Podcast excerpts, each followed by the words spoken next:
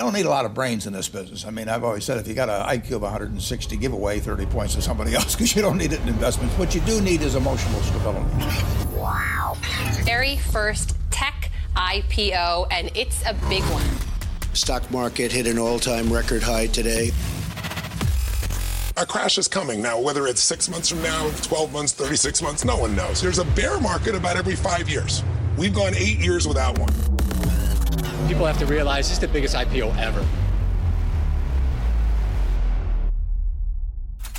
Hej och välkommen till ett nytt avsnitt av Market Makers, eller Macromakers som dagens gäst vill ju kalla vårt program hela tiden. Vem är det vi har träffat idag? Jo, vi har ju träffat Albin Kjellberg från EFN. Han är ju även känd från Uppesittarkväll, från Börslunch och en massa andra saker, inte minst Twitter. Precis, han är ju något av en, en ly, ung lysande stjärna på EFN, eh, ekonomijournalist helt enkelt. Eh, supertrevlig kille, vi har ju faktiskt varit där dessutom. Jag har ju varit två gånger i Uppesittarkväll, du fick ju följa med andra gången för att eh, de inte tyckte jag dög själv. Eh, så, men han är jäkligt trevlig och det var kul att ha med honom i podden. Vi har ju haft med hans kollega där Uppesittarkväll, Niklas Andersson, faktiskt två gånger, så det var väl inte mer än, mer än dags att han skulle vara med helt enkelt. Men det kanske bara hoppa direkt i det avsnittet, för Albin är ju mycket mer intressant än vad du och jag är. Tack, tack att du inte bara sa jag.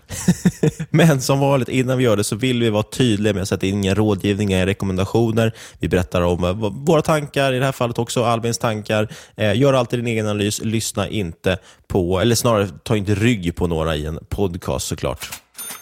Först vill vi dock påminna om att vi fortsätter vårt fantastiska samarbete med Peppins. Ni vet ju säkert att Peppins är en handelsplats för onoterade bolag där man kan bli delägare helt enkelt i nya spännande företag. Eh, man kommer väldigt nära de här bolagen också, får väldigt nära kontakt med dem, man får ofta förmåner och så vidare. Eh, jag tycker det är ett intressant sätt att vara delägare som känns lite mer personligt. Eh, och Vi har ju fått helt fria tyglar faktiskt och välja ut fyra bolag som vi tycker är extra intressanta. Förra veckan tittade vi på Frilansfinans och den här veckan har vi ett bolag som verkligen bjuder på förmåner. Och det är vingården Eskapat. Men först vill jag bara säga att vi erbjuder ju också liksom en textanalys av de här bolagen. Här i podden får ni bara en liten kortare presentation. Så gå in faktiskt på peppins.com och klicka fram till de här bolagen och läs hela analysen med grafer och alltihopa. Men som sagt, ett exempel på ett bolag där man verkligen kan få aktieägarförmån är vingården Domaine de Escapat i södra Frankrike.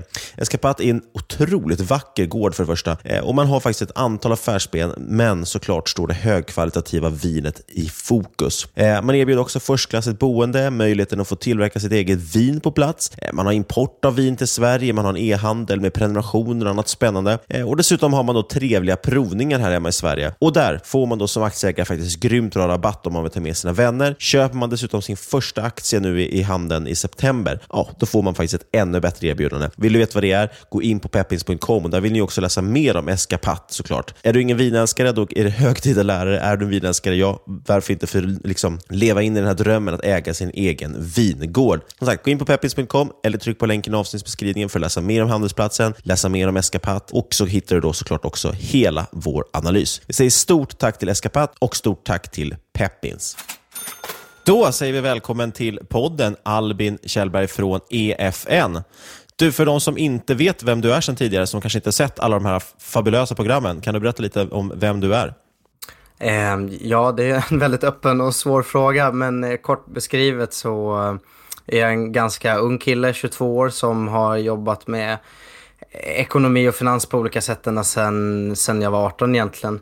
Ehm, började på Nordnet och jobbade två år där och nu eh, sen två år tillbaka är jag på, på EFN och intervjuar smarta personer, VDR, analytiker, allt möjligt spännande och gör en hel del klipp om privatekonomi och annat kul också. Och eh, inte minst tänker jag, måste vi väl nämna både Uppesittarkväll och även eh, Börslunch som du är med ibland också. Ja. Så jag tänker, hur och, och varför hamnar du inom ekonomijournalistik och varför specifikt på EFN också?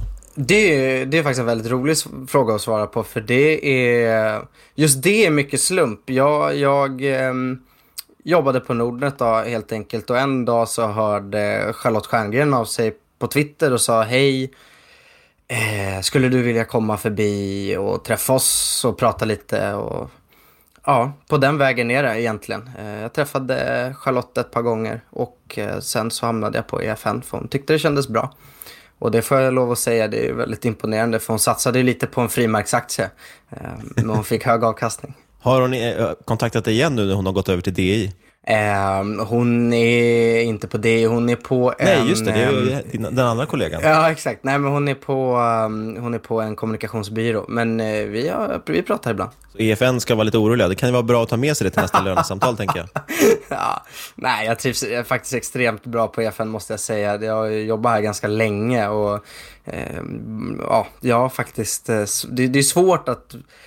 Många frågar mig vad, vad är nästa steg, men problemet är ju lite att det här var ju det som var tänkt att nästan vara mitt sista steg om man ska överdriva lite, vilket gör att det är svårt att veta om man ska hitta på häst. Hur länge har du jobbat där nu? Ehm, Jag har jobbat på EFN i, ja vad blir det, snart två och ett halvt år. Ehm, Så att det, tiden rinner iväg fort när man har roligt.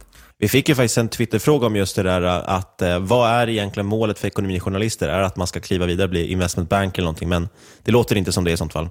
Nej, ja, alltså däremot så ska man väl, det fanns väl en anledning till att jag började min karriär inom bank. Jag började ju på Nordnet, det var det första i, i, riktiga jobbet jag hade överhuvudtaget som jag till att börja med först hade under tiden jag gick gymnasiet på deltid och sen på heltid efter, efter gymnasiet och det var ju en extremt viktig språngbräda och där hamnade jag inte av en slump utan där tjatade jag mig in. Ehm, och jag gillar ju ekonomi, bank, finans, aktier. Eh, och det, var ju, det var ju ingen slump att jag hamnade där. Och jag skulle inte bli förvånad om jag hamnar i, i banksvängen igen. Ehm, Samtidigt så är det väl klart att eh, det är kul med ekonomijournalistik men jag har aldrig sett mig som en journalist. Jag tror inte att jag kommer bli journalist inom någonting annat än, än eh, ekonomi. Det tror jag inte. Men varför just ekonomi då? Hur länge har du haft intresse av det och, och hur började det? Liksom? Varför, varför började du investera i aktier till exempel? Jag har varit intresserad av det sen jag var 15 år, eh, 14-15 år, sen jag gick i grundskolan. Det var väl, det kom, uppkom efter att jag hade jobbat för första gången i mitt liv. Jag hade tjänat 55 kronor i timmen för att sommarjobba. Och jag hade aldrig haft pengar. Mina föräldrar varit rätt noga med att aldrig ge mig liksom, stora mängder pengar i handen eller en stor månadspeng eller mycket födelsedagspengar. Så att det här med att dra ihop ett par tusen, det var ju helt absurt för mig att ha så mycket pengar på en gång. Och då tyckte jag att det var, det, det för mig blev det en frihet som jag tyckte om bara de futtiga tusenlapparna, eller ja, det beror väl på hur man ser det, men, men det gjorde också att jag ville jobba mer, men vem vill anställa en 14 och 15-åring och då började jag upptäcka lite de här banorna att men de lilla pengarna jag har skulle jag kunna få viss avkastning på.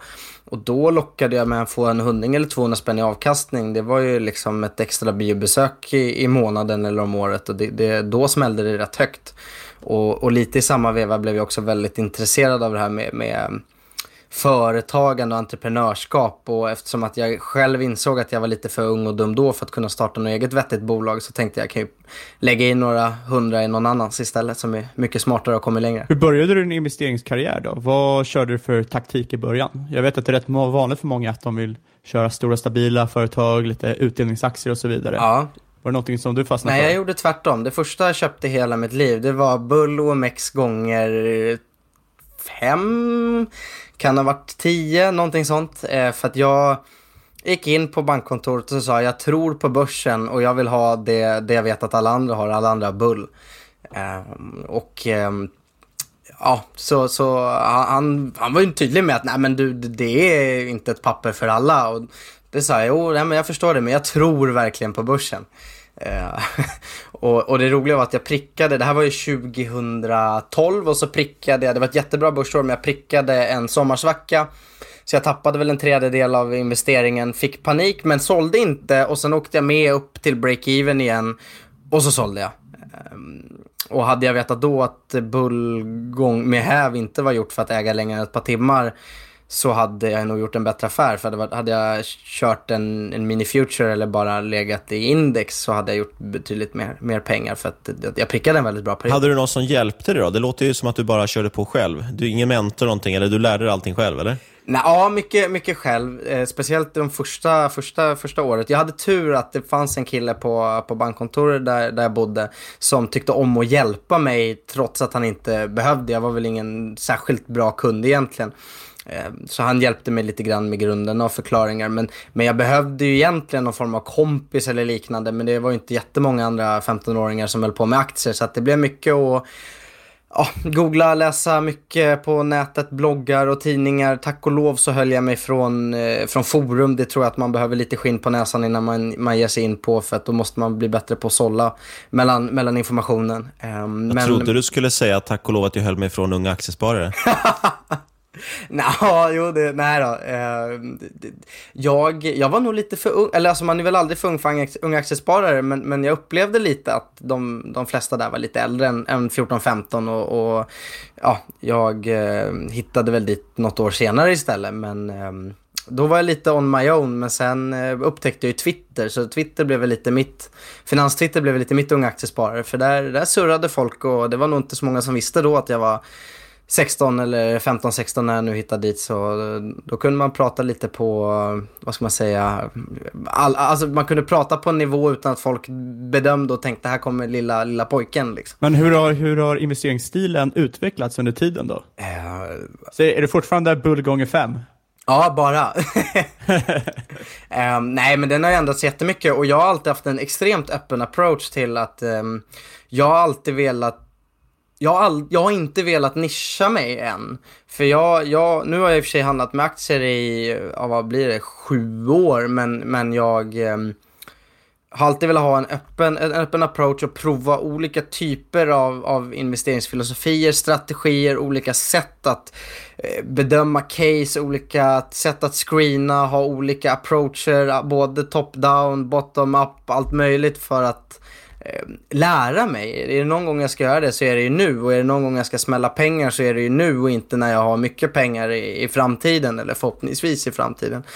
Um, så att jag, jag, jag har inte nischat mig än utan provat allt från utdelningscase till, till value case till eh, vad heter growth case, alltså all, all, allt möjligt och um, det är väldigt lärorikt. Just nu håller jag prova, på att prova att lära mig att eh, investera i, i tillväxtföretag med höga multiplar. Det är, ju- jag har hört att det är inne Det är nu. väl bara så man kan tjäna pengar, desto högre multipel, desto mer kan man tjäna. Eller? Ja, det går ju rykten om det på stan. Det här med P9 är ju ute nu för tiden. Det ska ju helst vara P99 och eh, hög tillväxt från små, låga nivåer. Och kollar du någonstans? Är det mycket USA, mycket Sverige? Ja, jag håller mig till Sverige. Och det är också, säger också en del om hur ofärdig jag, jag, jag är som investerare själv. Jag har hållit på i sju år men bara hållit mig till Sverige. Sen är nästa steg, det är väl som när man möter bossen på, på ett Gameboy-spel, att det är, det är att ge sig ut utomlands, för det, det är svårt på riktigt. Här kan man ju ändå på något sätt researcha bolagen, du kan skicka mail på ditt eget modersmål till, till styrelse, ledning om du vill. Eh, du kan ofta på, på ett eller annat sätt komma i kontakt och träffa bolaget antingen på kapitalmarknadsdagar eller på årsstämmor. Eh, USA eh, och resten av Norden blir väl på något sätt nästa steg för där, där kan man fortfarande hantera språket. Sen är väl det slutgiltiga och det svåraste steget som kanske jag ger mig på när jag är 69 eller 75 det är att ge sig ut i, i, länder där man inte begriper språket överhuvudtaget. Som, som min kollega Ara har gjort redan nu och sitter och investerar i Vietnam och läser helt obegripliga vietnamesiska papper. Men jag tycker Sverige är ändå rätt intressant börs för att bolagen rent internationellt är ju jäkligt små. Så att eh, sitter du och kollar en large cap till exempel i Sverige, ja men det är ju typ som en small cap i USA. Varför ska man gå över till USA och kolla på deras small cap som det lika gärna kan vara kvar och kolla på de stora bolagen i börsen, på börsen i Sverige?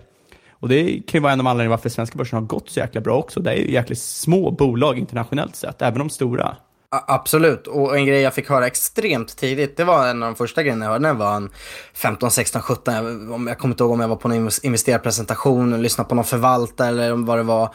Och så var det någon som sa det. Men, men den svenska börsen är ju nästan ett bett på den internationella ekonomin. För det är, kolla på, på large och midcap, det är inte jättemånga bolag som har 100% av sin försäljning i Sverige. Utan ofta är det ju tvärtom att de har en, en, en mindre del av sin försäljning i Sverige och att mycket sker mot antingen Nordamerika eller, eller andra delar av tänker bara, det är bara som en sak som banker. Banker brukar traditionellt vara något man säger lite följer landets BNP, men våra banker är ju också, till och med de är ju internationella.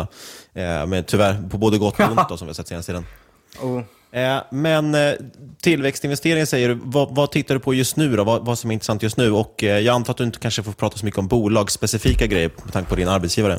Ja, ja precis. Nej, men jag, jag undviker att göra det av, av, av många skäl också. Ehm, jag, eh, jag är, trots att jag har hållit på i sju år så tycker inte jag att jag är någon egentligen att, att ta rygg på. Däremot så är jag gärna transparent med hur jag, hur jag tänker och, och hur mina, eh, mina mm, tankebanor går och mina reflektioner. Även om jag inte tycker att det är någonting att, att ta rygg på. För jag, jag är ingen expert än. Men um, jag, det jag försöker hitta är ju bolag som växer så pass fort att nu, det här är det jag provar nu, så det är bara ett experiment, men det jag försöker hitta är bolag som växer så pass fort att värderingen har svårt att prisa det på ett bra sätt. Och speciellt när tillväxten är accelererande så märker man att, att eh, det ibland händer att marknaden är lite rädd att det är en tillfällig acceleration Um, och det kan det ibland vara, det är då man går på miner. Men är det inte det så, så släpar ibland priset och det tar ett tag för marknaden att vänja sig vid att det här, den här multipeln ska vara hög eller till och med eh, nästan läskigt hög. Men det blir, det blir ju lätt så. Jag menar, har ett bolag P 60 och eh, dubblar vinsten nästa år, då har det helt plötsligt PV P30. Så det går ju rätt fort när, när tillväxten är hög. En klassiker som brukar vara på de här bolagen är att folk säger att eh, Eh, det är alltid för dyrt, det ser man ju varje år och sen så bara fortsätter den gå. Och ser man, vad synd att man missade det tåget och så fortsätter den ytterligare en bit till. Jag har ju varit där, det är också därför jag har gett mig in på det här experimentet. För jag har ju suttit där och kramat allt som har P8 till 12 och det, det, det var ju inte så enkelt som jag trodde att bara leta fram det som var billigt och tro att det skulle bli bra. I alla fall inte för mig. Men, men sen är ju billigt också, det, det är ett begrepp som betyder olika beroende på vem du frågar. Det finns ju alltid en anledning varför det är billigt. Ja, precis. Och det är väl, det är väl någonting som många, speciellt många som kanske inte har investerat så mycket, får väl för sig att det inte är billigt av en anledning, utan att andra bolag är dyra, eller vad man ska säga. Ja, Eh, men det finns, alltid en, det finns alltid en anledning varför det är billigt och det är antagligen för att det går dåligt på något sätt. Ja, och börsen är ju ändå ganska smart för det är ju på något sätt en, en, en aggregering av alla tänkande människor som handlar på börsens, deras hjärnor och hur de resonerar och, och, och än så länge har inte jag kommit till att jag är smartare än alla aggregerade hjärnor på den här börsen utan jag, jag har en bit kvar men jag trodde väl att jag var smartare när jag var yngre. Det är väl som vanligt, ju äldre man blir desto mer korkad inser man att man är. Det är ju sjukt svårt också, det man måste, jag tycker alltid det är svårt med en värdecase, för du måste ju ha rätt på att ja, men alla andra har värderat det för, alltså värderat det för lågt helt enkelt. Och då måste du, precis som du säger, då måste du veta någonting mer än det de andra inte vet. Ja, precis. Har ni, har ni lyckats med ett värdecase någon gång? Nej, men, jag, men man har försökt ett par gånger. ja, ja, exakt. jag känner igen det. Jag tänker på våra poddkollegor, ska säga, Kvalitetsaktiepodden och även grannar här i stan. De är ju faktiskt duktiga på det där. De har ju, de har ju lyckats med den biten. Eh, vi gör inte det. Nej, ja, det är bra. Det är bra att man kan vara bra på olika saker. Eh, men jag tänker så här, det beror på mycket... hur man värderar värdecase, eller hur man definierar värdecase. Absolut. Jag menar, om, det, om det ska vara klockrent Benjamin Graham-style under P15, då är det ju fantastiskt svårt. Men om det är bara att man tycker, liksom anser att det ska vara undervärderat från det man köper, Ja, absolut. Nej, absolut, och där brukar man ju prata om att tillväxt är väl en del av värdet. Den gör ju att värdet ökar. Eh, men oftast blir det, pratar man, när man pratar om value så pratar man ju ofta om att det ska vara lågt värderat egentligen. Precis som säger lite Benjamin Graham-stil på det. Exakt, exakt. Apropå Graham, har du några sådana investerings, eh, eller vad ska jag säga, finansidoler eller sådana du ser upp till, liksom, som du gillar? Eh, det borde jag väl egentligen ha. Jag eh, jag har varit rätt dålig på, på att skaffa mig, mig finansidoler och finansförebilder. Jag har varit en sån som sett upp till dem som, som lever på ett bra sätt och, och, och uppskattar livet. Och så, eh, det, det, låter ju konstigt men, men typ eh, Robin Sharma och den typen av personen, personer att lära sig uppskatta det man har och glömt bort att jag såklart behöver ha någon form av förebild inom, inom mina olika intressen och då eh, framförallt aktier och börsen. Men, men jag, jag, får försöka, försöka hitta min, min förebild och min idol. Det, det kanske jag hittar också när jag hittat hur, hur jag vill investera och vilken strategi jag vill använda. Det brukar ju vara lite så tycker jag. Jag vet inte om du håller med Fabian. Det känns ju ofta som att när man just, som du säger, lite, man stöter på en stil, då är det ju oftast den författaren eller den investeraren som står bakom det. Det är ju ofta då, det är så lite så det klickar också kanske man hittar bara, fan det här tror jag på, det här kan jag lita på även när det går dåligt. Ja, verkligen. Men om, om, om jag får nämna någon så skulle jag ändå, jag skulle ändå vilja nämna Nemcap på Twitter. Mycket bara för att utan att egentligen ha så, han är ändå hyfsat anonym, jag har ganska egentligen dålig koll på exakt hur han investerar och, och hur han gör sina analyser. Så, så det var en som jag såg tidigt och såg att det går att eh, vara vanlig människa, vanlig privatperson, vanlig Svensson och och eh, skapa extremt hög avkastning genom gammal hederlig stockpicking, mycket research, mycket tid, mycket engagemang och mycket energi.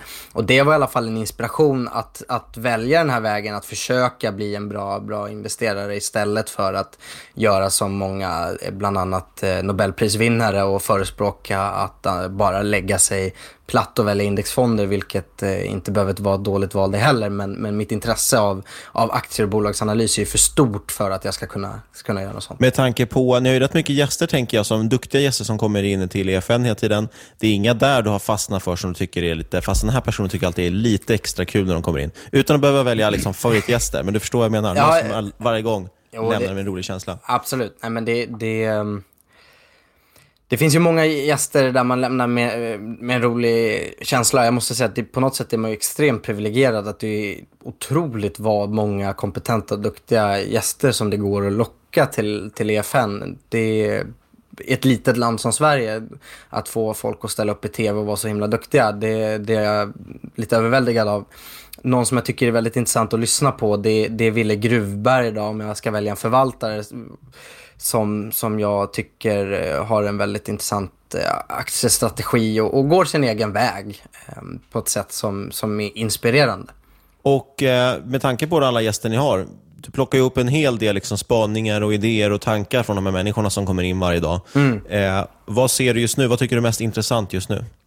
Ja, men det, det, som är mest, det som har ändrat mig mest, eller utvecklat mig mest av att vara på EFN, det har varit att jag har gått från att vara intresserad av aktier till att bli liksom intresserad av aktiemarknaden och däribland makro. Det är därför jag tycker om att ni har bytt namn till Macromakers. För det, jag vet inte varför egentligen, för att från början, det som drev mig till börsen var ju mitt intresse för entreprenörskap och, och att kunna investera i, i andras, kom, andras kompetens och duktiga idéer. Men, men eh, med, med, tiden så växte makrointresset fram på EFN och eh, de, vad det kommer för kloka människor med spaningar in till EFN är väldigt intressant att, att lyssna på. Nu är vi på något, någonstans i, i skiljelinjen där, alltså, om man ska hårdra det, hälften av gästerna är rädda för, eller jag ska till och med hårdra det så här, en tredjedel av gästerna ser framför sig en, eh, en ganska kraftig ekonomisk eh, inbromsning, kanske till och med en, en recession som, som kan bli tuff. En tredjedel ser framför sig en vanlig försiktig avmattning som, som är ganska naturligt i, i en ekonomi som för en, två år sedan såg, ja, framförallt för två, två år sedan stod på, på väl, eller ja, vad ska man säga, jobbade på högvarv. Och sen en tredjedel tror att det, det har mattats av klart för den här gången och nu är det uppåt som gäller. Och det är så himla intressant att man säger alltid att vi har den mest intressanta hösten någonsin framför sig, men jag har nog aldrig sett vår gästskara vara så splittrad i, i åt vilket håll vi ska och det visar verkligen att eh, det är så svårt, för ekonomi i sig är ju en kunskap och en vad ska man säga, ett, ett skrå där mycket kommer av att studera på hur har det gått tidigare och kolla efter gamla mönster och folk har agerat i, i, i tidigare både uppgångs och nedgångsfaser och problemet är att i, nu har vi så många parametrar vi aldrig haft. Det har man väl alltid när tiderna ändras men kanske ovanligt många när, när många gamla sanningar blir ifrågasatta ifrågasatta som till exempel eh, minusräntan då som gör att många måste börja fundera över vad, vad ska man ställa för riskpremier och, och hur ska man se på en negativ eh, yieldkurva och sådana saker. Det, det, det är väldigt intressant för då har du inte så mycket historiskt att gå på för att vi har inte haft negativa räntor förut. Hur tar du hänsyn till det här när du själv investerar då? Låter du bli liksom lite skraj av de som kommer och preacha att det ska vara en eh, börskrasch eller Ja, sen är jag ju tyvärr en sån där extremt både eh, lätt exalterad och väldigt engagerad eh, människa. Så att eh, när vi haft en gäst som kommer och säger att allt är guld och gröna skogar och, och, det är nu det vänder, då går jag hem och känner att nu är det bara att köpa allt som finns. Och, och, och nästa dag träffar man någon som säger att det är dags för bunker och konserver och då sitter jag med telefon i hand och funderar på om det inte är dags att bara gå rakt in i, i guld och konserver och Bullens pilsnerkorv liksom. Eh, men det det blir lätt så också. Jag, jag, tycker det här är så himla roligt. Jag, jag har ju verkligen ett drömjobb och eh, när man lever sig in i, i de gästerna som kommer och, och ställer frågor och blir både inspirerad men också eh, förundrad så, så blir det lätt att man, man, man dras med. Men samtidigt så, det ska jag poängtera, det är ju också viktigt att vara att vara kritisk och det är en fördel att eh, folk tycker så olika också. Att eh, träffa någon som är väldigt positiv så kan jag ofta låna motargument från någon jag träffade dagen innan som var negativ för att eh, ställa en kritisk fråga och försöka få, få något vettigt svar. Ja, det är ändå intressant. Det som är kul också med det här äh, med just, allt handlar ju om framtiden hela tiden och det är ju det svåraste man kan säga. Och framförallt handlar det om sannolikheter. Det är precis som med, med vädret, att man säger att imorgon kommer det regna, men egentligen är det ju en procentuell chans att det kommer regna. Eh, och dessutom tycker jag inte att man ser bland folk som har, de har egentligen rätt i allt de säger, men de får fel i sitt utfall. Eh, och eh, ja, även åt andra hållet då. Men kan du dra upp någon sådär, har det varit någon riktigt minnesvärd grej under tiden på EFN? Oj, extremt många. Um, en av de som för mig har varit med, alltså någonting som jag all, aldrig kommer glömma i, tror jag, i hela mitt liv, det är ju att ha, att ha gjort och på något sätt eh, skapat EFN-versionen av Uppesittarkväll. Jag kommer aldrig glömma när jag ringde Niklas en dag och eh, sa det att du, ehm, jag, jag hörde att eh, du inte kommer att sända, eller ni inte kommer att sända Uppesittarkväll den här månaden. Eh, finns det någon, vill du fortsätta med programmet? Vem, vem, vem är det som, vem ligger bollen oss och, och är det någonting som du vill prata om det skulle kunna gå att göra på EFN. Det var ju, det var ju ett väldigt stort minne. Och för mig var det väl en stor, stor milstolpe så tillvida att det var jag som tog tag i att skapa någonting och eh, det var ingenting som jag fick, eh, ett, inget program som jag fick eh, göra, alltså, som någon kom och gav mig i, i famnen, utan det var jag som, som tog initiativ och ringde Niklas och sa du det här tror jag skulle vara en, ett bra giftermål. EFN och Niklas Andersson och Uppesittarkväll. Ja, ni har ju verkligen lyckats, det, eller det var väl stort innan också, men det är ju verkligen rörelse, så jag kan tänka mig att det är sjukt kul och ratta. Ja, verkligen. Det är ett privilegium, måste jag säga. Det är det låter ju så himla slitet att säga att oj vad roligt det är att gå till jobbet och åh vilket roligt jobb jag har. Men, men det är verkligen roligt. Det var ju därför jag började med det här. Det var ju därför jag tjatade mig in i, i banksvängen när jag var 18 också. För jag ville ju in på den här banan. För det är, det är mitt största intresse. Det var mitt största intresse. Och det är inte så mycket som pekar på att det kommer sluta vara det. du har ju ett annat intresse också med trav. Ja.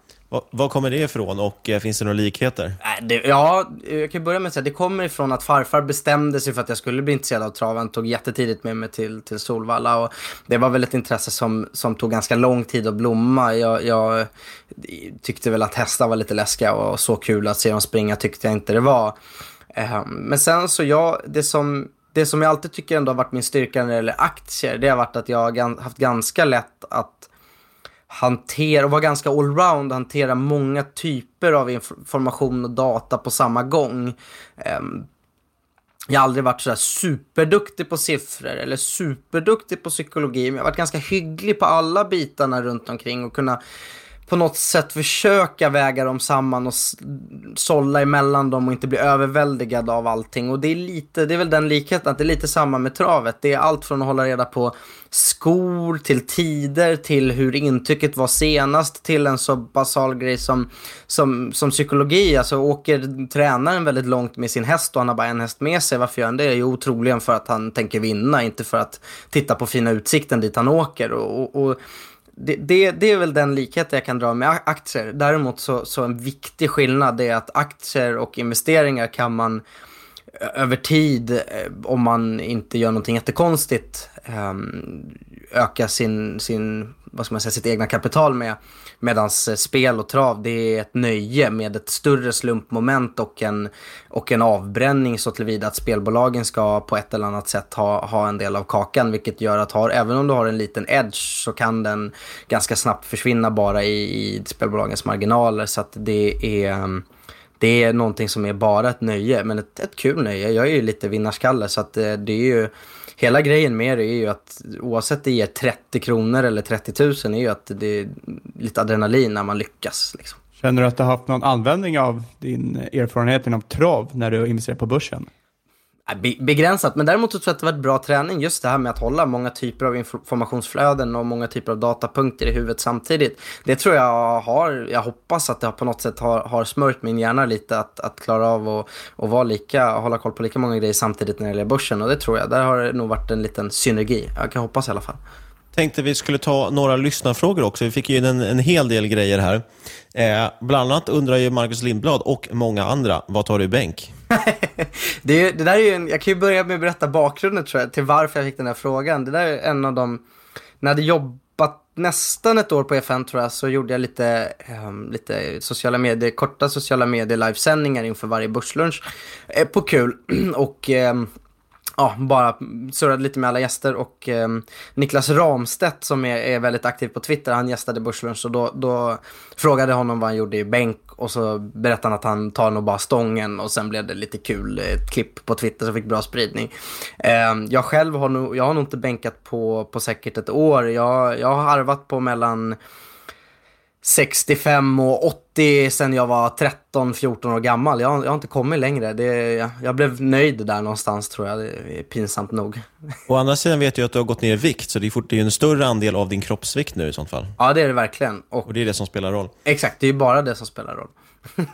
en, en mer vettigare fråga då kanske, vad tar du i böj? För där vet jag att du är jädrigt stark. Ja, jag, idag tar jag nog bara 120 kanske, men när, när jag pikade så gjorde jag 180. Det var när jag var släggkastare. Jag, det är ju också så här, det som också visar på att jag har ju ett problem, eller ja, det beror på hur man ser det, men jag har ju för många intressen och tycker saker är så kul. Jag antar att jag är lättroad, men jag höll ju på med, på med släggkastning och på, på hyggligt hög nivå. Var väl med på alla, alla ungdomsmästerskap, eh, eller i alla fall alla ungdoms och, och de flesta junior-SM. Ehm, och när, när jag var som flitigast med träningen där, då gjorde jag nog 180 knäböj. Sen har vi även en fråga från Gustav, från Gustavs aktieblogg, som även har gästat podden tidigare. Han frågar, vilken svensk företagsledare är du mest imponerad av? Då är jag nog ändå mest Oj, mest är svårt för att jag kommer glömma någon, men jag kan dra en ur hatten och det är det får jag ändå lov att säga Ingvar Kamprad så tillvida att utan att ha träffat honom, utan att eh, hört att det skulle vara en odelat perfekt ledarstil, så är jag imponerad av hans företagsbygge. Ikea är en, ett, ett unikum och en extremt stark produkt som han, det han läm Jag är alltid imponerad av folk som lämnar över ett bolag som klarar sig utan grundaren och utan ledaren och det, det bedömer jag att, eh, med en ren amatörbedömning, att Ikea, att Ikea är ett sånt bolag. Så att det, det är jag väldigt imponerad över. Och det är, jag är imponerad över att var jag än hamnar i världen nästan så kan, kan jag på, på något sätt säga att när folk undrar var jag är ifrån, äh, men Sverige, alla ser ut som frågetecken och så säger man Ikea och alla vet. Och det, det är ändå på något sätt en bedrift som är väldigt imponerande. En Twitterfråga från tradingnörden, allas vår favorit. Jag undrar liksom, hur har du, slog du dig egentligen in i finansvärlden? Ja, jag bestämde mig en, en nyårsafton när jag, året jag skulle fylla 18, att nu är jag tillräckligt gammal för att rent juridiskt få, få jobba på bank. Det brukar ju vara ett, ett krav på att man ska vara 18 år gammal. Så då så skrev jag upp det som ett mål för året och sen efter min, min 18-årsdag så hörde jag av mig till, nu har jag nog förträngt på exakt hur många olika banker, men, men ett par stycken och det var ju såklart iskallt. Ehm, men jag fastnade av någon anledning lite extra för, för, för Nordnet och eh, hörde av mig ganska många gånger till dem och till slut så efter att ha påmint på Twitter så fick jag kontakt med, med Faras på, som då var på Nordnet. Um, då ledde han kundtjänsten tror jag. Sen så efter ett tag så blev han ansvarig för Shareville och nu är han på Avanza. Men han, han snappade upp och såg att jag var väldigt på, väldigt intresserad och väldigt engagerad och, och eh, skickade mina uppgifter vidare till, till eh, Rami som var ansvarig för en, en avdelning som heter Loyalty Sales. Och eh, ja, de, de såg mitt engagemang och mitt jättestora intresse och struntade därför i att jag var betydligt yngre, mindre erfaren och mindre utbildad än de flesta andra kandidater utan, utan såg till potentialen istället. Och det krävdes garanterat extremt mycket mod från deras sida och eh, jag är väldigt tacksam för att de, de gav mig den chansen att, att få jobba några kvällar i veckan på den, den säljavdelningen. För att det ledde ju till att jag senare också fick förtroende av Faras och Kristina att eh, börja jobba på kundservice på heltid efter, efter gymnasiet gymnasiet, vilket också var ovanligt. Jag var både för ung och outbildad för det också egentligen. Så jag, jag har haft tur att jag har varit på ställen där, där folk har trott på mig och sett eh, att, att jag har potential, engagemang och intresse. Och det, det visar man genom att tjata, genom att vara på och, och, och, det tror jag många kan ta efter för att det känns som att alla blir ekonomer idag om jag ska, ska överdriva lite. Och vill man sticka ut då så, så visa att du verkligen, verkligen brinner och inte kan tänka dig någon annan, någon annan typ av yrke. Eh, jag kan mycket väl tänka mig också att det var det som, som Charlotte såg när hon hittade mig och, och såg till att jag hamnade på EFN också. Just, just intresset och engagemanget. Ehm. Men det måste ju såklart vara genuint också. Så tycker man att ekonomi och, och finans är tråkigt så, så blir det ju svårt att, att slå sig in med hjälp av det, det tricket. Professor Kalkyl, han trodde ju att han skulle få en helt egen podd, så han har skrivit hur mycket frågor som helst. Men han säger så tänker att han bidrar väldigt mycket på Twitter, så han kan få några stycken här. Han undrar bland annat, vad är mest otippade bolaget har i portföljen? Mest otippade? Mm, ja, tror inte jag har något som är så väldigt otippat egentligen. Det, jag, jag är ganska, ganska tråkig. Um, det, det som är väl minst känt, eller jag har um, i, i en liten KF så har jag en liten post i, i Gustav Aktiebloggs case, uh, Decisive Dividend, så det är väl det mest uh, ja, bort, eller bortglömda, men, men det mest ovanliga. Annars har jag rätt vanliga bolag. Vi kan ju vända på det, Niklas. Vad är ditt eh, mest otippade aktieinnehav då? Mest otippade? Det är en konstig fråga, så jag vet inte själv hur man skulle svara på den riktigt. eh, jag, jag, skulle säga att det är Swedol då kanske. För det ja. är det tråkigaste bolaget jag äger. Ja, och du, och du är ju inte så tråkig. Ja, det, det beror på, beror på, beror på vad man frågar. Bästa power metal-plattan då? Det är... Och många, många gamla fans till det här bandet kommer säkert hänga med nu, men jag tycker att eh, Ghost Lights av eh, gruppen Avantasia med, med Tobias Sammet i spetsen är fruktansvärt bra, ett fruktansvärt bra album. Det Har jag på LP. Det låter som att du gillar den här typen av musik. Ja, eh, stort fan. Det är också, visar också på att jag har för många intressen och konstiga intressen och att jag är väldigt spretig. Jag började lyssna på när jag var typ tio år. Jag vet inte hur det blev så, men, men ja, så är det. Sen även en fråga. Hur stor del av din privatekonomi ligger på börsen jämfört med off-börsen? Ja, men det är nog um, sex, 60 procent ligger nog på börsen, men, men det beror mycket på, på att eh, det hade nog varit ganska nära 100 om det inte vore för ett stort innehav i, i en onoterad tillväxtraket som heter Hernö Oj, oj, oj. Det har vi aldrig hört talas om förut. nej, nej. nej, det är ingen av oss i den här podden som är intresserad av det bolaget, men... Eh, ja. Och då undrar ju eh, Linde, vad är din favorit gin och tonic? Och då även vilken garnering ni ska ha på den. Ja, jag är, jag är så himla dålig på garnering för jag dricker upp dem för fort. Men en Herne Old eh, Tom med Ekobryggeriets granskott, det, det är min absoluta favorit. Och sen, ja, fan, släng i, släng i lite tallbar, det är väl vackert i en, i en sån skogshärlig GT. Lite lingon kanske. Garnera med en grankotte. Mm. Men när det kommer till privatekonomin och eh, pengar på börsen, har du då, gillar du att ligga 100% all in eller gillar du att hålla kvar lite likviditet till eh, sämre tider? Jag, ehm, och det här kommer leda oss in på en, på en annan eh, fråga vi fick. Ehm, jag eh, tycker att är man långsiktig och sparar för, för inget särskilt eller för något som ligger 10 år eller 20 år fram i tiden eller bara för trygghet så, så ska man väl ligga 100% investerad för att det är så himla, eller ska, jag ska, jag, jag, det är ska och ska, det är väl upp till var och en, men, men det är det som är enklast för att jag har ju så himla svårt att tajma, varje gång jag försöker tajma blir det fel. Ehm, så att jag har gett upp, men, men i och med att jag eh, siktar på att köpa en, en bostad, åtminstone inom det närmsta de närmsta 12 månaderna så eh, är väl det också ett skäl till att kanske inte riktigt ligga 100%. Egentligen borde jag väl ligga 0% men jag tycker det här är för kul för att, för att kunna ligga 0%. Bostad att leva i eller bostad att hyra ut? Eh, bostad att leva i. Det är bra när man lever i en bostad. Eh, ja. sen är det någon som heter Ara Mustafa som frågar Hej Albin, eftersom du nyligen ifrågasatt din kollega Aras körkunskaper så undrar jag, har du en körkort själv? Med vänliga hälsningar. Eh, nej, jag har faktiskt inget körkort. Jag har sagt varje år sedan jag fyllde 18 att det ska jag skaffa och jag ska ta, köra en intensiv. Men det, det har aldrig blivit någonting och det beror ju mycket på att jag har ingen nytta av att, att köra till jobbet eller tvärtom. Det skulle bara ta längre tid och vara mer köer och mer bekymmer och alldeles för dyrt med parkering. Men det är klart att det är någonting man har nytta av och det borde jag ha skaffat för länge sedan. Men har man som jag 104 intressen och är intresserad av allt så försvinner lätt tiden och um, ja, då är man dessutom då lite lat och tar tag i de där svåra och tråkiga grejerna. Då, då blir det lätt att det inte blir något körkort. Skaffa en Um, travhäst istället. Ja, jag får börja trava in till jobbet. Men eh, anledningen till att den där frågan kom, det var ju för att jag sågade Ara lite när han körde ner i ett dike när han skulle hälsa på mig när ute på mina föräldrars landställe i somras. Det, det var roligt. Man har ju heller inget körkort än och inte kan köra alls. Nej, lite så. Och ehm, ja, jag var väl glad att jag inte hade något körkort eh, där och då så att han hade tvingat mig att försöka köra upp bilen ur det där diket för den, den satt inget bra till. Man kan säga att han hade en snegunga med bilen. Sen har vi en fråga från Oskar D. Ät Oski89. Han frågar hur du kan så mycket om börsen trots sin unga ålder. Vad är hemligheten? Um, hemligheten är en så eh, superuppenbar och uttjatad och klyschig sak som ett enormt intresse. Jag blev intresserad när jag var 15 år och, och jag, menar, jag spenderade väl säkert en timme om dagen på, ehm, på att läsa artiklar eller nyheter om ekonomi och aktier. Ofta flera timmar.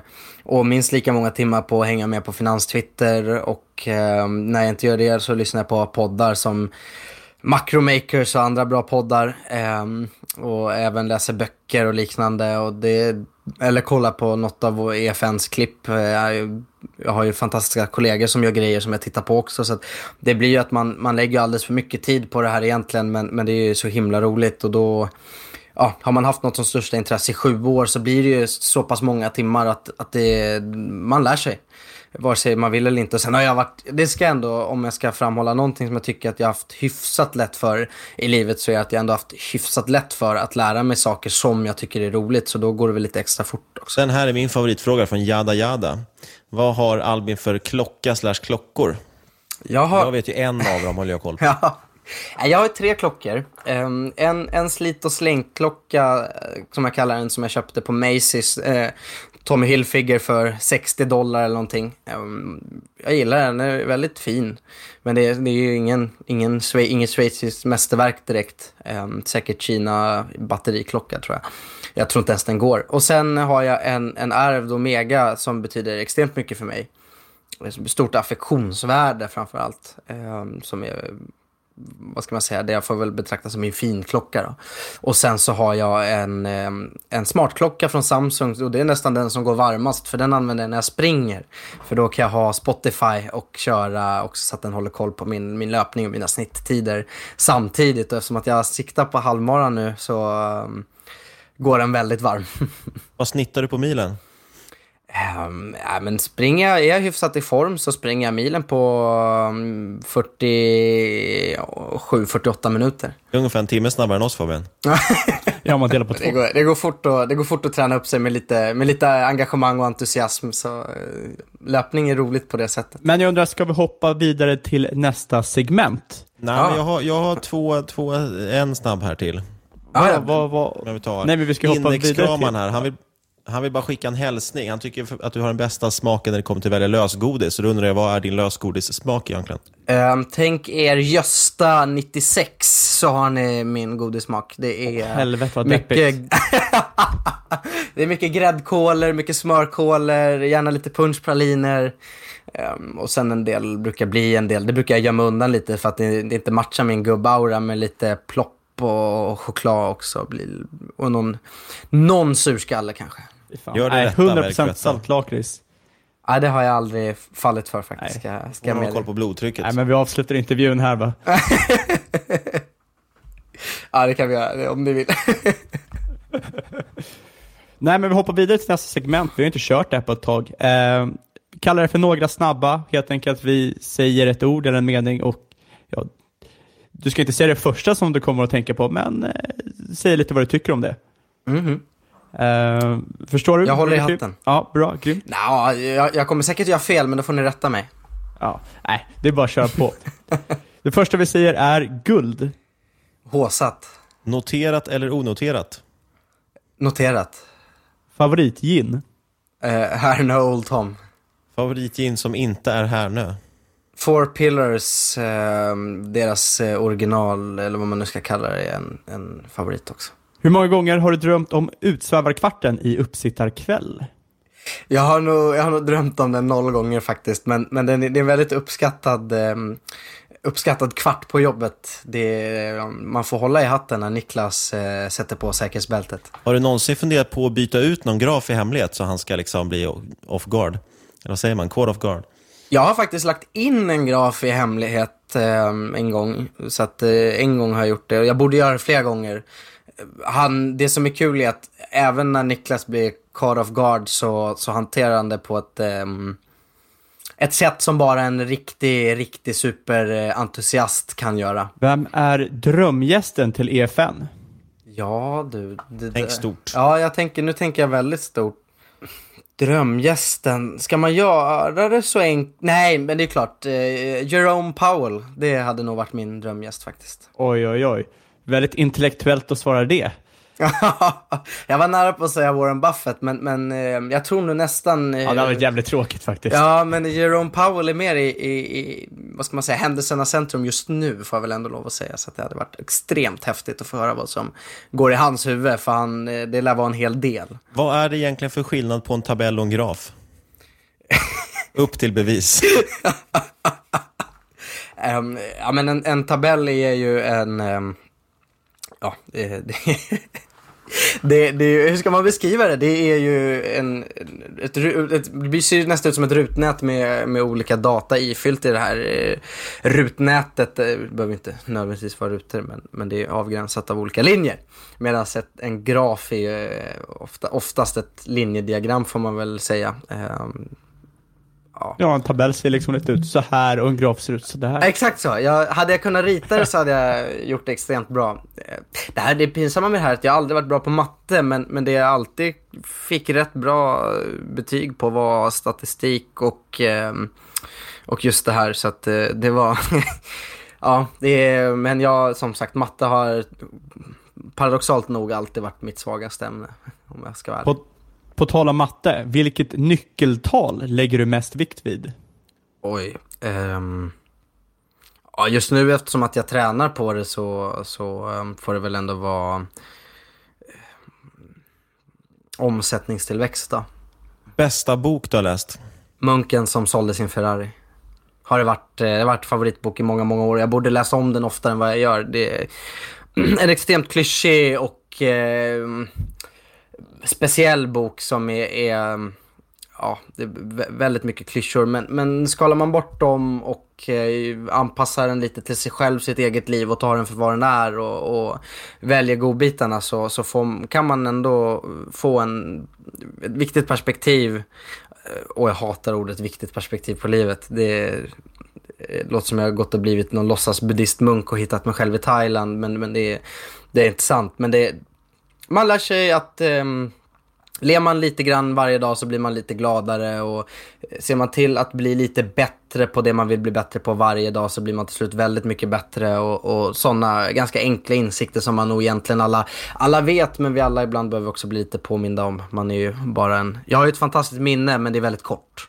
Det var ju ganska många här Twitterfrågor också om just det här glada humöret. Men eftersom det inte var frågor så, så tog vi inte med dem. Men det var ju många som, som kommenterade på det, att du är så väldigt glad och det, ja, det trevlig. tar jag som en komplimang. Så det är bra. Men annars sen brukar man ju säga att eh, det är väl alltid clownen som gråter. Vad är Ja. den gråtande clownen? Det, det på var väldigt mörkt, eller mör, mörkt på insidan, men, men eh, jag var ganska mycket eh, pessimist, alltså väldigt pessimistiskt lagd när jag var, ja, in, innan jag blev tonåring egentligen och eh, kanske i början av tonåren också tyckte ganska lätt att eh, jag tro, hade inte så jättestor tro på att saker skulle gå bra och eh, tyckte ofta att folk i onödan, alltså när det inte ens stämde, var emot mig och att saker inte ville gå min väg och det vet jag inte riktigt vad det berodde på. Men sen valde jag att, att eh, jag gjorde ett val, det låter ju enkelt men det, det var bara ett val att eh, nu bestämmer jag mig att saker är enkelt och att saker kommer gå bra och att om jag ler lite varje dag så kommer jag bli gladare och det fungerade extremt bra. Och sen så spädde ju den här munken som sålde sin Ferrari på det så att jag tog det ytterligare ett steg. Men det var ju en resa jag redan hade påbörjat. Um, jag vet inte om ni har provat att, att uh, le som ett fån lite och känna om ni blir genuint gladare i själen. Det funkar faktiskt. Jag är ju pessimist på utsidan, optimist på insidan. det finns ju en sån här klassisk studie just, man gett, det var väl pensionärer framförallt, gav dem en penna att bita på. Eh, så de tvingas att le och då uppger de ju faktiskt att de är lite gladare. Ja, jag tycker att det fungerar. Det kan ju vara placebo också, men, men eh, placebo är ju, om effekten är, om effekten är positiv så är det bara att ta den och njuta. Om inte annat så lär ju folk tycka om en mer när man går runt och ler. Ja. Än motsatsen. Och jag tycker mer om mig själv då också, så att det funkar bra. Det blir en bra feedback loop. Du är trevlig mot andra så är de trevliga mot dig liksom. Oftast. Of, oftast ja. Vilken var din bästa respektive sämsta investering och viktigast, vad har du lärt dig utav dem? Min, eh, min sämsta investering gjorde jag ganska tidigt. Jag eh, köpte på... När jag precis hade börjat lära mig investera så köpte jag på någon rek i, om det var Placera eller vad, vad det kan ha varit, eh, Mr Green. Jag gick nog i ettan eller tvåan på gymnasiet och sen åkte de på en, en eh, skattesmäll i Österrike och tappade 30 eller 40 eller 50 procent på en på ett par timmar och ehm, jag satt utomlands och, och sålde av på botten i stress och panik. Och eh, det rörde sig inte alls så mycket pengar men, men i procent så är det min absolut största förlust och den var verkligen rent nybörjarmässig så tillvida att jag ett hade köpt på, på utan att göra min egen analys. Vilket jag kan förstå att man gör i början också. Det är ingen som efter ett halvår har lärt sig göra fullständiga egna analyser. Ehm, men, men det gjorde ju också att conviction blev sämre. Hade jag gjort den själv hade jag kanske tyckt att det var en överdriven reaktion och vågat ligga kvar. Ehm, men också just att jag fick stresspanik och sålde på botten. Hade jag väntat lite så hade jag nog sparat hälften av vad jag, vad jag förlorade på, på att bara vänta bort överreaktionen. Um, ehm, så att, men det var en viktig lärdom. Det är väldigt kul och jag är glad att jag minns att jag gjorde det misstaget, att jag inte förträngde. det. För det är ju lätt hänt när man klantar sig. Jag är en rätt klantig människa också så att det, det är lätt att förtränga alla misstag man gjort. Men, men uh, det där var i, inte ett av dem som jag förträngde, så det var en lärdom.